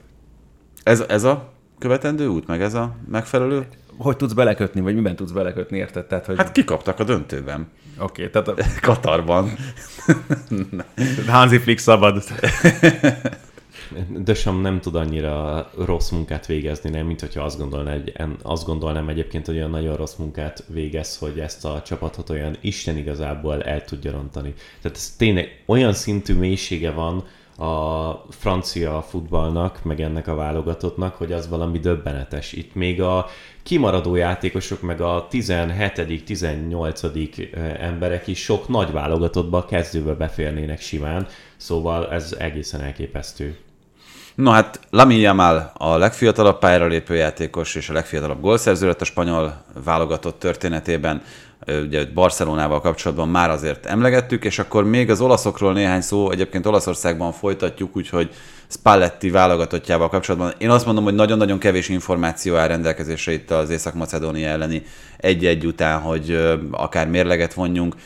a két nappal a meccs előtt sérült meg, voltak olyan problémák, amik azért nehezítették Spalletti dolgát. Önmagában és így is sikerült már egy döntetlen kihozni a macedónok ellen, az előrelépés megkérdőjelezhetetlen. Igen, köszönöm szépen. Ez egy, ez egy remek felvetés. Viszont, viszont a válogatási elvek kapcsán azért lehet beszélni arról, hogy milyen különbségek mutatkoznak itt Mancini és Spalletti gondolatai között. Az biztos, hogy azzal fogja kezdeni, mert nem kezdheti mással egy szövetségi kapitány, hogy megpróbálja saját magának a magját kialakítani. És az az igazság, ugye az olasz válogatott a harmadik helyen áll a selejtező csoportjában, ami azt jelenti, hogy jelenleg már ugye, hogy egyeneságon biztosan nem fognak kijutni az Európa-bajnokságra, 6 pont különbség van az angolokhoz, azt én szerintem az beoszthatatlan. Hát de első kettő jut ki. A második, Persze. ez nem... nem ö... első kettő kijut, és a harmadik pocs. Vagy hát a nemzetek oh, igen, keresztül, igen, igen, jó, így van. Igen, igen, igen. Tehát, tehát csoport első nem lesz az olasz válogatott, igen, az biztos, de, igen. de meg, tehát, hogy meg lehet. Tehát most ugye ukránok ellen játszanak hazai pályán, majd most keddem nézzétek majd a Schiller 2 nem tudom, ki lesz a kommentátor. De hogy ő nekik a... De várjatok, most akkor félreértem. A a második hely az pócsel. Egyenes. Nem, egyenes, egyenes kiutás. Oh. Persze. Jó, akkor, akkor még valóban bőven-bőven van lehetőség. Valamiért úgy láttam a csoportban, hogy ez pont olyan, ahol Na mindegy. Hát a, nem, hát az első helyre valóban nincsen nagyon esélyük, bár mondjuk az angolok is elég sokat tesznek azért, hogy, hogy ez akár még felcsillanjon ez a remény, bár ugye, itt az olaszok azzal, hogy három meccs után állnak kett, vagy négy ponttal, az mutatja, hogy nem minden teljesen kerek. Nem, a lényege az lett volna egyébként most itt a pontatlansági kitérő mellett, hogy egész egyszerűen neki. Nagyon hamar, nagyon gyorsan ki kell alakítani egy magot, akiben megbízik, és akire fel tudja húzni azt a csapatot, mert más út nincsen, tehát itt tényleg az van, hogy minden egyes mérkőzés, amin majd Spalletti ott fog ülni a kispadon, az számít, mert ki kell jutni, az nem fordulhat elő, hogy két nagy tornáról egymás után kétszer uh, hiányozni fog Olaszország, úgyhogy ez uh, muszáj. Ilyen apróságok egyébként látszottak a mérkőzésen abból, hogy ő mit képzelhet el. Valamilyen minimális szinten még hasonlított is a Nápolira, csak az a nagyon nehéz Palletti munkájában, hogy ahogy azt itt Flicknél megbeszéltük, igazándiból itt tényleg pillanatok alatt virítanod kell valami nagyon tiszta tervet, igazándiból nincsen időt se kísérletezésre, se ö, játszadozásra, és úgy kéne Spallettinek a maga felfogása mentén újra húzni ezt a csapatot, hogy helyreállítania, hogy közben tényleg folyamatosan eredményeket kéne szállítani, ami egy ilyen szinte megoldhatatlan ö, szituáció, remélem, hogy meg fogja tudni oldani, mert, mert tök jó lenne, de amit például tavaly elmondtunk a Nápoliról, hogy persze az ilyen pozíciós alapelvek azok tökéletesen megjelennek, és nem az van, hogy össze-vissza játszadozhat mindenki, meg kószálhat föl le a pályán, hogy akkor a Kvaratskhelia meg az Ossiman kombinálgasson a támadó harmadon belül, de hogy azért megvoltak azok a két-három fős kis csoportok a pályán, akiknek szabad volt kombinálnia, és az összes többi játékos tartotta a rendszernek az alapelveit, ők meg egymással érezvén, tudván, hogy ki hogyan mozog, ki mit szeret, úgy azért meg tudták ö, lepni az ellenfeleket. Na hát most ez azért itt nem nagyon van adva a válogatottnál, mert nem tudja beemelni a Nápoliból sem, mert az is egy teljesen nemzetközi csapat volt, ami egy ilyen menekülő út lenne, ideje meg nem nagyon áll rendelkezésre, hogy ezt megcsinálja, úgyhogy én egy picit azért féltem őt, hogy mi lesz ebből. És ezért nem tudom, mindenki hangoztatta egy Roberto Mancini-nek a hatalmas érdemét, hogy Európa bajnoki cím, és hát akkor miért nem mehetne el Szaúd Tehát pont ezért egyrészt szerintem van tartozása egyszerűen ezzel az Észak-Macedón katasztrófával kapcsolatban is, de így tényleg egy selejtező sorozatban így ott hagyni egy csapatot, ez egy baromi nehéz helyzetbe hoz a, a válogatottat is, meg aztán az utána érkezőt is. Na mindegy, szóval nagyjából amiket kap a gazettában, meg a remek karikatúrákat, meg fotomontásokat, azt szerintem mind meg is érdemli. Nem tudom, figyelitek, hogy vakon kezelem már a keverőpultot. Szép, szép. Menő. Tényleg olyan, mint egy ilyen díj, be is csukhatod a szemet, és csápolhatsz közben. Nem tudom, hogy ti hogyan viszonyultak Mancinihez ilyen abszolút primer érzelmi szempontból. Én jobban kedvelem az átlagnál, úgyhogy ö, emiatt én nem fogok róla olyan nagyon rosszakat mondani. Szerintem nagyon impresszív volt az a foci, amit játszott az Európa-bajnokságon a csapat, és nem értek egyet azokkal, akik azt mondják, hogy azt a EB-t azt nem az olasz válogatott zárta a legjobb focival, amellett, hogy a legeredményesebben és aranyéremmel, szerintem sokkal jobb volt az olasz válogatott például a házigazda angolok elleni döntőben is, tehát tökéletesen megérdemelt volt, tökéletesen kimunkált volt az a, az a játék. És Szerintem... ha elvonatkoztatsz a focinak a minőségétől, akkor ő róla, mint emberről, mint amit, mindent, amit láttál belőle valaha, és ti, ti azért sokkal több mindenre is emlékeztek. Emlékszik a sálas Mancini-re. Igen. Igen. Azért nagyon nehéz, mert mindegyik feladata más volt. Mindegyik környezet az, az egy borzasztó bonyolult és, és komplikált. Bence az emberi oldalra szeretne rávilágítani. De ez is hozzátartozik szerintem. Tehát, hogy olyan feladatokat uh-huh. kellett megoldania, ugye az Internél akkor dolgozott, amikor a Juventus-t kizárták, és a Calciopoli botránytól éppen az egész olasz futball az kapott egy, egy kokit és próbált lábadozni. Nagyon nehéz időszak volt az is. Mint ahogy szerintem borzasztó nehéz helyzet meg, meg szituáció volt az, amiben a Manchester City-nél került, mert ott egy új érának ő volt az első mondjuk kispadon reklámarca, akinek hoznia kellett az eredményeket, ugye azok után, hogy, hogy Olaszországban azért már voltak viszonylag komoly sikerei, és mégiscsak belehozta az első bajnoki címet ebben az új érában a, a Manchester City. Emberileg én azt látom, anélkül, hogy most itt a, kollégákkal kapcsolatos nexusait azt, azt itt felhoznám, hogy, hogy nagyon sok játékos köszönhet neki nagyon sokat. Tehát, hogy, hogy az olasz válogatottnál is voltak olyan futbalisták, akikben akkor is bízott, amikor feltétlenül a klubjuknál ez nem történt meg. Ő volt az, aki számtalan esélyt adott Balotellinek, aki kétségtelenül Szerintem megérdemelte azt az esélyt, mert a képessége alapján beleláthatta azt, hogy ő egy, egy egészen kiváló játékos lehet. Én, az, az állandó vita téma szokott lenni köztem, és mindenki más hogy nekem Balotelli tehetségben Messi és Ronaldo. Mm, igen. Aztán ami hát kijött belőle, az meg... Hát fejben meg meg egy, egy megye kettes. Nem, mondjuk ez a kis Jack átalakító, ami a kezemben van, és szorogatom egy órája. Szóval igen, és nekem e- emiatt elég pozitív az ő megítélése, hogy ilyen jó hosszan válaszolja. Uh, hát én nekem is, ma úgy tűnik, hogy most én vagyok itt az ellenzékben, ráadásul ti nem, többségben vagytok. Nem, nem is mondtam semmit, de majd mondj aztán majd. Szóval a, most nem azért, hogy saját magamat marketingeljek, én most éppen könyvet írok most már egy két hónapja, Roberto vagy három. Ne, nem a, a Manchester City-ről, és hát ő neki ennek, ment, ennek megfelelően van egy viszonylag nagy szelet, meg sok mindent megpróbáltam utána nézni. a, amikor leültették uh, Ferran Soriano-t a Manchester Cityhez, ő Mancini-nek az utolsó szezonja környékén ült le, most pontosan nem tudom a dátumot elfelejtettem, de a sztorira emlékszem, ő azzal kezdte, hogy ő a vezérigazgatója a City Football Groupnak és a Manchester Citynek, ha valaki nem ismerné, hogy leült először az ilyen hát egészségügyi osztálynak, vagy valami hasonló a neve a vezetőjével, hogy mi az, amit tudok adni nektek, nyilván építünk infrastruktúrát, amennyi doktort, felszerelés, bármit kérnétek, az micsoda, és a csávó a tárgyalás 40. másodpercében megállította, én egyetlen egy dolgot szeretnék tőled kérni, a felmondási papírjaimat, amit most alá szeretnék írni, és holnaptól nem szeretnék itt dolgozni most, hogy végre van olyan főnököm, akihez be lehet menni, mert olyan szinten elmérgesedett a viszony Roberto Mancinivel, hogy a csávó menekülni akarta a Citynek a közeléből is,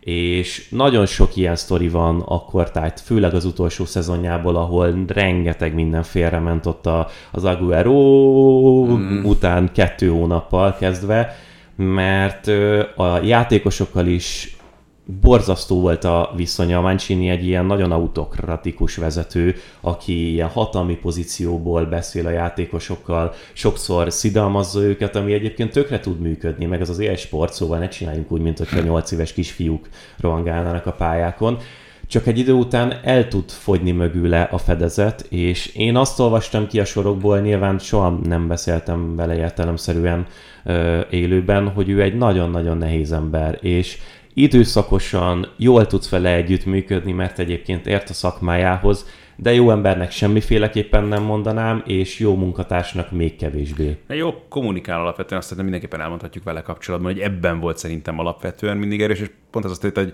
szakmailag nekem olyan egy jó közepes edző. Körülbelül én mm. erre, erre a polcra tenném Schatzper kb. Én nagyon csíptem egyébként azt a Manchester City-t, hát amelyik, nehéz volt amelyik Aguero, de hát ezt magyarul hallgattam. Ádival. Hát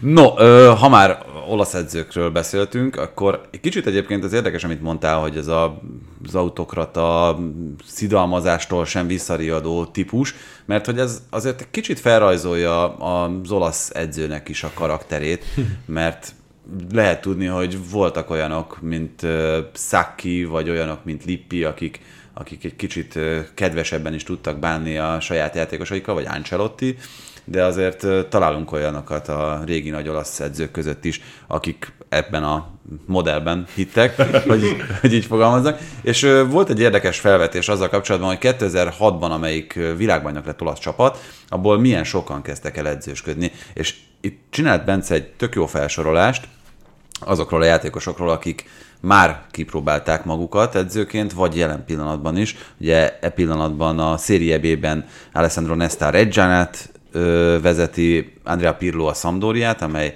ugye Dekli Stojkovic távozása után a Ferencvároshoz szerződött Dejan Stojkovic átvette a másodosztályba kiesett csapatot, és Nagy Ádám csapatát, egyébként Aquilani nem 2006-os világbajnok, de Alberto Aquilani vette át, akit egyébként játékosként nagyon csíptem, a Rómában. A rövid pár évben, igen, ott az Hát elején. igen, igen, főleg a Rómában, ott, ott nézett ki ugye Capitano Futurónak egy darabig, de ilyenek voltak páran. De egyik gyerekkori tragédiám az a Liverpoolba ja. igazolás, ott ú, mondom, kész, hát kitépik a szívemet, mi igen. fog történni. Aztán utána a szegénynek, ahogy alakult a pályafutása, igazából nem osztott, nem szólzott. Hát egy pánikigazolás volt az Benitez-től annak idején, úgyhogy nem is igazából vált be. Nem lett, vagy az ötlet nem volt rossz aztán szegény, de neki is ugye rengeteg sérülése mm-hmm. is volt, meg sokkal több volt Aquilánében basszus. Hát itt lehetne idézni, hogyha már olasz focinál tartunk, Gianni örökbecsüljét a megboldogult jó Need műsorban. Ötletét honnan? szóval a Pizánál Alberto Aquilani a 11. hely után vette át a csapatot, akkor távozott Luca D'Angelo edző, akivel nem működött annyira, ugye Nagy Ádám csapatáról beszélünk, és Claudio Chiellini volt a sportigazgató, aki a Juventus harmadik ö, osztályban szereplő csapatához, fiók csapatához ö, került, és ö, ugye Claudio Chiellini ikertestvére, a másik Chiellininek, akit egy kicsit jobban ismer a futballvilág, és a sportigazgató pedig Alexander Koralov lett, úgyhogy tök érdekes, hogy milyen nevek, meg milyen arcok bukkantak fel a csapatnál. A Serie B az az olasz futball szerelmeseinek egy ilyen nagyon kellemes pesgő medence, ahol el lehet merülni egy pesgővel a kezedben, bedőlsz, és, és így el tudsz terjengeni a nosztalgiának, meg a múlt gyönyöreinek a tengerében. Tibi mesélte, hogy régebben a fiával Ádámmal így nézegették a térképet, hogy a Serie B csapatok hol találhatóak, és hogy ez is egy ilyen romantikus dolog egyébként, tehát csak egyszer egy, megnézed mondjuk a Serie B tabellát, és ugye elkezdett felhelyezgetni a térképre ott a Csizmán Olaszországban a csapatokat, az se egy nagyon rossz korakozás már önmagában, de én ezekkel a csapatokkal azért elsősorban akkor szoktam találkozni, amikor az olasz kupának még itt ilyen korai köreiben összefutnak ellenfelekkel mondjuk az első osztályból, és hát nagy élményt azért akkor ritkán szoktak okozni. Hát csak nem tudod, mi az igazán nagy élmény Ádikán. Az biztos. No, de akkor itt van egy gyűjtés, amit Bence sorolt föl, én meg kiegészítgettem pár dologgal. Ugye jelen pillanatban, hogyha a 2006-os hősöket nézzük, ugye Nestáról és Pirloról már esett szó, Buffon jelen pillanatban ugye szegény Viali helyét vette át, ő a válogatott csapatmenedzsere lett, de azt láthattuk, hogy Viali rendszeresen bejárt az öltözőbe is, tehát segítőként funkcionált Mancini mellett. Nem tudom, hogy Buffon milyen szerepet kap, én azt gondolom, hogy neki elsősorban ilyen reprezentatív feladatai lesznek. Szakrális. hát a kapus király, gyerekek. de egyébként Vialinak volt egy ilyen szakrális szerepe. Persze. Látod de, a... de, de, de ezt, ezt, ezt a, a legteljesebb értelemben pozitív dolognak gondolom Jó, egyébként. Hát basszus, szerintem Gigi Buffon megjelenik bárhol. Hát olyan energia sugárzik belőle, meg nem tudsz ezért nem egyből térdre borulni előtte. hát. Igen, csak ugye Vialinak volt egy olyan szerepe is, hogy csapatmenedzserként ő képviselte a delegátust többnyire, és nem tudom, ha láttátok-e azt a hát mi volt az aranylabda, vagy, vagy milyen esemény volt, amikor Buffon megpróbált angolul beszélni? A életműdíjat kapott, azt hiszem, vagy valami ilyesmit. És hát Viali azért elég jó volt ebben a... Eltöltött egy kis időt arra társadalom. Buffon nem. De aztán lehet, hogy megtanult azóta. Ha soha ne találkozza a hőseiddel, én Francesco Totti nőttem föl, és hát gyerekkoromban nyilván azért ezek a dolgok nem jutottak el az agyamig, meg nem ez érdekelt, hanem a, ó, hát ezek az egyérintéses gólpasszok, meg nem tudom. És amikor felnőttem, és rájöttem, hogy hát ez az ember a római dialektusnak a törésén kívül más nyelven nem tud megszólalni, hogy mint hogyha a tükröt így összetörték volna, hogy így ettől rosszabb játékos nem lesz, Ne. nyilván meg ez, ez, ez, csak egy, ez egy kis dolog szerintem. Viszont én már sajnos csak azután hallgattam meg Graham Hunternek a podcastját Gianluca Viallival, miután már szegény meghalt, de hogy annyira jó fazon volt, és hogy tényleg, na ő viszont tökéletesen beszél tényleg angolul, azt érdemes hallgatni, bárkinek nyugodtan merem ajánlani, szerintem beírjátok Vialli nevét a keresőbe, akkor feldobja bármelyik podcast platformon, az, az egy élmény. Igen, ugye De Rossi Mancini segítője volt, ő most éppen munkanélküli, mert ha jól tudom, akkor Spallettivel olyan nem is volt jó a kapcsolata itt a legvégén, úgyhogy nem biztos, hogy meghívta a stábjába. Grosszorról beszéltünk a szériábe harangozóban, ugye mint a 2006-os VB egyik legnagyobb hőséről, ő a Frozinonéval feljutott úgy, hogy a másodosztályban a legtöbb gólt szerezték, a legkevesebbet kapták, aztán lelépett. Azt, azt nem tudom, hogy telefonon vagy SMS-ben mondott fel, hogy valami ilyesmi volt állítólag. Hát igen, elég csúnya volt állítólag. Nem teljesen látom, hogy ott pontosan mi volt a, a töréspont. Lehet, hogy csak ő tudná elmondani, ő meg nincs itt most a podcastban. még. Cannavaro is megkapta a lehetőséget, ugye ő még annak idején Lippi mellett, meg mögött, meg utána dolgozott Kínában is, úgyhogy ő is megpróbálkozott a szériében. Egyelőre nem tűnik olyan nagyon kikövezet, kikövezetnek ez az út. Gattuso-nak szerintem voltak kimondottan jó időszakai. Szerintem fogjuk még látni a szériában. Én is azt gondolom, ugye ő a Milánt és a Nápolit irányította már, legutóbbi csapata a Valencia volt, szerintem amennyit láttam belőle, ott sem végzett ja. rossz munkát, de most jelen pillanatban elérhető. Gilardino a Genoa edzője, és egészen jól mutat szerintem ez a Genoa ahhoz képest, hogy feljutó hmm. csapatról beszélünk. Nagyon kicsi a minta, de azért azért szerintem érdemes figyelni az ő játékát. Filippo Inzaghi éppen munkanélküli, azért most már jó néhány csapatnál megfordult, annak idén ugye a Milánnál kapta meg a lehetőséget, aztán a Beneventóval egészen jól teljesített a Serie B-ben, az első osztályban már kevésbé. Oddo, ő is világbajnok egyébként, éppen munkanélküli, Udinézében volt edző? Ott, ott mindenképpen, de szerintem máshol is Igen. talán. Várj, nem hirtelen akartam mondani neked, már mond már Delfini Pescara? Le, így van, Pescarában is volt. De, Azt hiszem. de szerintem volt, ö, volt Nem akarok utaságot mondani, de valami ilyesmi dereng. Na, mint Bence már közben élesíti az élő Google keresést. Kamora nézi, Bence, Bence hozzászólás, Máltán mondjuk. Jó, hát voltak ilyenek, hogy a Matarazzi is játékos edzőként valami, nem tudtam megfejteni, valami indiai csapatnál egy fél évre átvette a, a stafétabotot, azt azért nem írtam be, de a Kamaranézi most is dolgozik edzőként, úgyhogy őt bevállaltuk. Igen, és hát ugye, hogyha már szó esett Nestáról, akkor ő neki sem az első csapata a Reggiana, ő előtte a Frosinone-nál, illetve a Perugianál próbálkozott, ezek szintén szériebés csapatok, és Pirlo a Juventus, illetve a Karamgürük után. Karagümrük! Karagümrük! Bocs, bocs, bocs. Nem közvetítettél török bajnokikat. mondani, hogy nem vagyok annyira rutinos, mint te, és Bárzai pedig egyelőre utánpótlás szinten is asszisztens edzőként uh-huh. magát. Én egyébként Bárzait ö, el tudnám Kompetens azt képzelni. tűnik, ugye, ilyen Meg szempontból. Nincs ott most a válogatott stábban, mint hogyha lenne. Igen, oda is Vagy- bekerült talán? vagy- Én vagy azt láttam, hogy ő végigjárogatta az egészet. Most ö, dolgoztunk együtt bőven a válogatottak mellett valamilyen szerepben dolgozó, segítkező ö, szakemberekkel, és ő náluk is már nem bírja ki. az Hát, volt, Pescara, ott van! a, ő De náluk volt- is volt az volt, hogy végig járták Udinese, a, bocsánat, igen.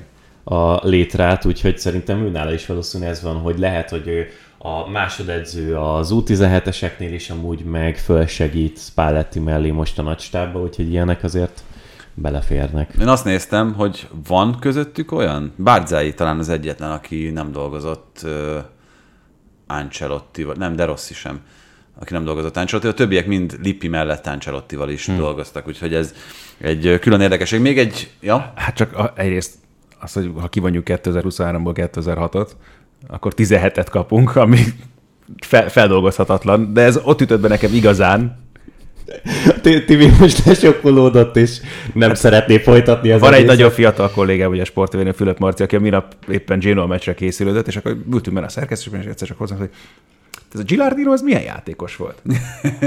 és ez a, hát hogy persze végül is szegény honnan tudna, vagy de így elgondolkodtam, hogy basszus kulcs, oké, látom én már azért az őszhajszálakat itt ott a halántékomban, meg egy a szakállamban is vannak ilyen foltok, de hogy De nem csak a halántékodon vannak. kösz. Tehát, hogy basszus kulcs, nem. Tehát ezt, ezt nagyon nehezen dolgozom fel. Hát igen, de most ez mi ez a 17, hogy csak hogy 17 oda éve volt? Ja, értem. Nem, de nem oda szúrni. Hát ez fagyok lefelé, meg érted? Ilyen, nem, de tényleg, de, ú, na jó, mindegy is, mert itt tényleg ilyen, ahogy Benito szoktam mondani, nagyon bácsiskodni kezdünk. No, ö, még egy gyors, szerintem most már, hogyha felkészültünk erre a témára, akkor semmiképpen ne hagyjuk ki, bár egy óra 10 percnél tartunk jelen pillanatban. probléma. Ahhoz képest, hogy rövid adást terveztünk, ahhoz képest egy kicsit túlcsúsztunk. Biztos itt az új hely szelleme, meg a jó főcím, meg minden. Ez az a hely, ahol azt tanították nekünk, hogy az adásidő szentem. igen, igen. Tényleg. Komlósi Oktatási Stúdióban vagyunk egyébként, hogyha még Tényleg, ezt nem nem mondtuk volna, de ezt Ezúton is köszönjük. ezúton is nagyon szépen köszönjük a lehetőséget. No, ö, szóval az, hogy mennyi az edzők közül, ha már az edzőkről beszéltünk, milyen nagy arányban vannak a középső középpályások jelen pillanatban, és hogy ez hogyan alakította az elmúlt évek modern futballját, mert hogy különböző tanulmányok is szólnak arról, hogy sokkal nagyobb arányban, vagy nem is sokkal, de nagyobb arányban vannak a középpályásokból edzővé vált ö, játékosok, mint a más poszton szereplőkéből, és ennek is tulajdonítják, hogy ha most itt néhány példát kell keresni, akkor Guardiola, Pirlo, Xabi Alonso, én is puskázok, Italiano, Tiago Motta, csupa olyan játékos volt, aki egyébként a középpályán a labdabirtoklós fociban hisz, és abban hisz, hogy azzal tudod a leginkább dominálni a mérkőzéseket, hogyha nálad van a labda, és rövid kicsit talán kockázat kerülőbb passzokkal építed a játékodat, és akkor itt lehet hozni azt, hogy Sávival, aki ennek az egyik nagy apostola volt, és ugyanebbe a mintába tökéletesen illeszthető, 64,3-as átlagos labdabirtoklással lett bajnok a Barcelona.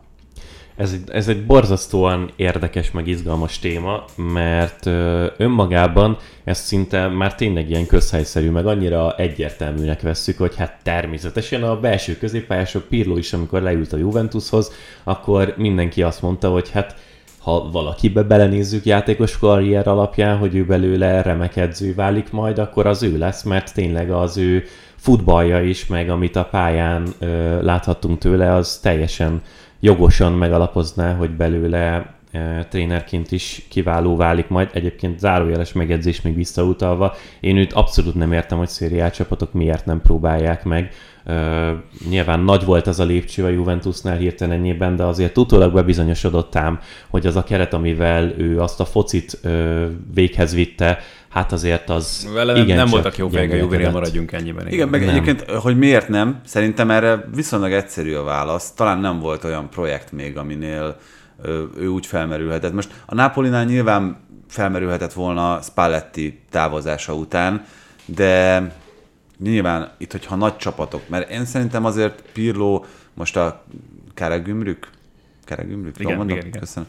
Szóval a Keregümrük után nem feltétlenül kellett, hogy a legmagasabb polcra akarjon visszatérni. Jó, jó választott szerintem ebből a szempontból. Igen, tehát én, én szerintem is jó, jó választott, hogy, hogy, hogy akkor inkább mm. még egyet visszalépve. Mint hogy esetleg bevállaljon egy olyan projektet, ahol egy kiesés ellen küzdő csapata más, vagy az első osztályban ö, ott szenvedjen. Szerintem ott sokkal nehezebb alkotni, mint egy, hát majd meglátjuk a Sampdoriánál, mert szerintem még mindig ott, ott elég ott nagy a, káosz. a problémák, igen. igen. De meglátjuk, hogy, hogy az, az még egyébként lehet egy olyan projekt, ami működik. Bocsánat, csak ennyit akartam közbevetni. E, igen, szóval visszatérve erre, uh, mégiscsak az alapfelvetésünkre, hogy egyébként tényleg nagyon izgalmas, mert alá van támasztva az, amit az ember gondol, és az, az mindig, nekem legalábbis ez egy ilyen nagyon komfortos uh, szituáció. Úgy vannak az arányok, amik picit csalókák, hogy az vizsgált játékosoknak a 38%-a középpályás, ami messze a legnépesebb csoport innentől kezdve nem olyan nagy matematikai csoda, hogy az edzők is körül, vagy közülük kerülnek ki legnagyobb mértékben 42,5% miatt, de egyrészt azért az mégiscsak növekedés, a másik meg, hogy hát itt csak kapus védő középpályás támadóra volt felosztva az egész, szóval itt ebben lehetne játszadozni a különböző szerepkörökkel. De Én... egyébként, ha már manapság most már a középpályás egyébként jóformán csak a középső középpályásra értjük, mert ugye Ez már a, a szárnyvédőt Igen. már úgy nehezebben teszed klasszikus középpályás, a szélsőt meg most már inkább megint csak támadóként veszik figyelembe, de mondjuk volt... A tízesek egy... közül sokan hamis kilencesek. Tehát igen, igen. De ebben a tanulmányban meg pont, pont nem így van, mm-hmm. és én szerintem kifejezetten ez a, a különbség, és ezzel lehet egy ilyen mm-hmm. arányt meghúznunk nekünk itt, mert hogy a tízesek is alapvetően képesek lehetnek erre, de nagyon nagy százalékban az elit edzők belső, középső középpályásokból kerülnek ki. Ami egy nagyon könnyen magyarázható dolog, mert körülöttük történik minden egyrészt, sokkal több felébb kell figyelniük, nem csak vagy hátra, vagy előre, hanem tényleg a pályán minden egyes oldalra, szögbe, magasságba és mélységbe mindenfelé. Másrészt meg ők az egyetlenek, akiknek minden egyes fázisban, meg minden egyes játékelemben részt kell venniük. Mert ők vannak a közepén a csapatnak, és át kell rajtuk mennie mindennek. Meg talán tényleg ez az a pozíció, ahová a legtöbb ész kell, ahol a legtöbb döntést uh-huh. hozod meg egy mérkőzés során, és nyilván tehát nem bántva senki, csak hogy tényleg más a feladat egész egyszerűen mondjuk egy szélsőnek, akinek ugye rohangálnia kell nagyon sokat, más egy centernek, akinek mondjuk a befejezésekkel kell sokat foglalkozni, vagy az, hogy tényleg hogyan tud beszállni a csapat játékába egy középpályásnak, pláne tényleg egy középső középpályásnak meg mindenből ki kell venni a maga részét, ami a focihoz tartozik. És az a különleges, hogy én szerintem még indukálják is ezek a, ezek a dolgok egymást, tehát hogyha valaki elkezd focizni, biztos mindenki, aki kis pályán már rúgta a bört, azért úgy nagyjából tudja a barátai alapján, hogy a személyiségükhöz mérten mi az a szerep, amit fel fognak venni a foci pályán, mert egész egyszerűen úgy, mint mindenben, ez ebben is valamilyen szinten kijön, tehát, hogy nyilván valamilyen típusú meg személyiségű gyerekek kezdenek el különböző posztokon jól működni, aztán utána meg rájön ez, amit te is mondasz, hogy folyamatosan döntéseket kell hozniuk, intelligensen kell játszaniuk, mindenre figyelniük,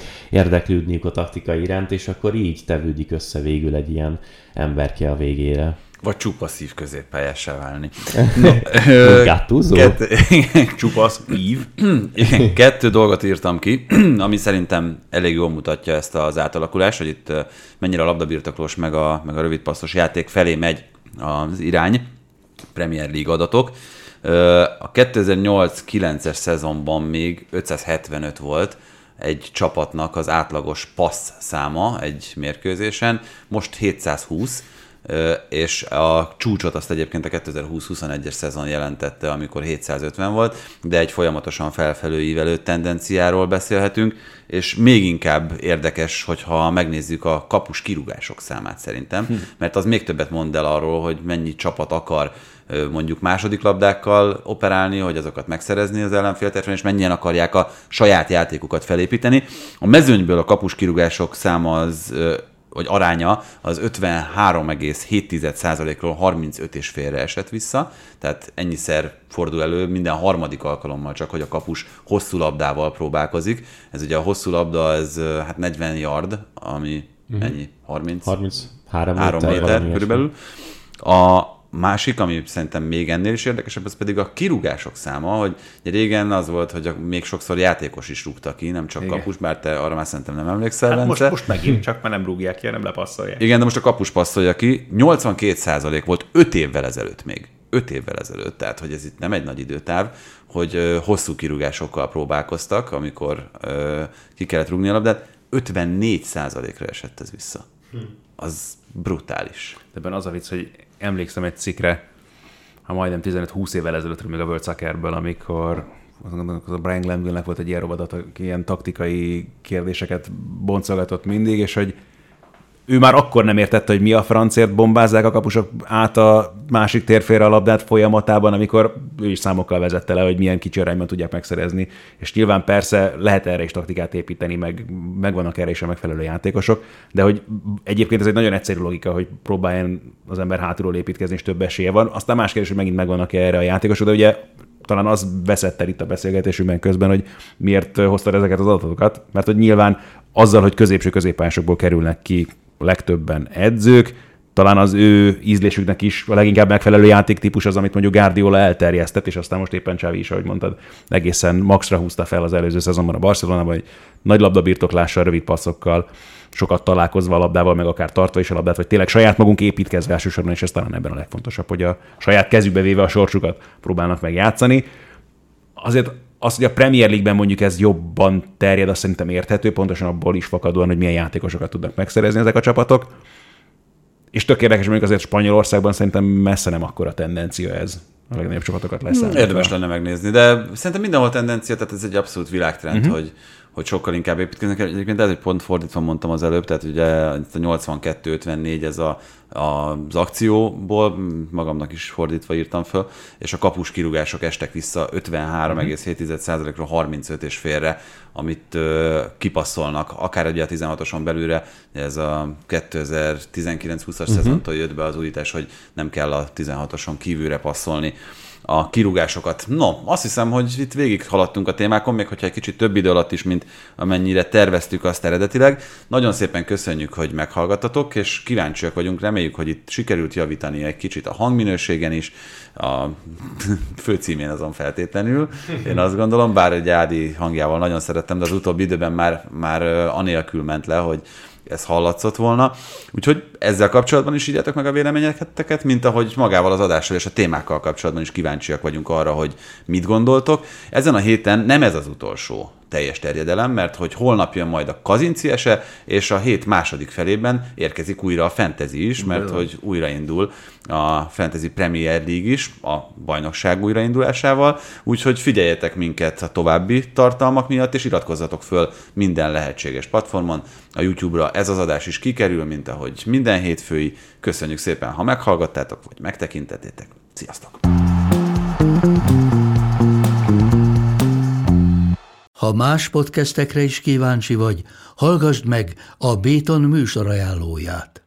El tudod képzelni, hogy a podcastet, amit éppen most hallgattál, fél év múlva már a mesterséges intelligencia generálja? Mi sem. De ha érdekel, eljötte már a gépek lázadása. Hallgass bele az Embertelen podcastbe. Orsós Lajos vagyok, a műsor házigazdája. Egyelőre még élőben. Egyelőre. Fedezzük fel együtt, hogyan ismerkedik, randizik, mesél és vitatkozik Betty és Péter, két teljesen mesterséges intelligencia. Lajos, a podcast címét mond még egyszer, Léci. Oké. Okay. Embertelen podcast. Ez a műsor a Béton közösség tagja.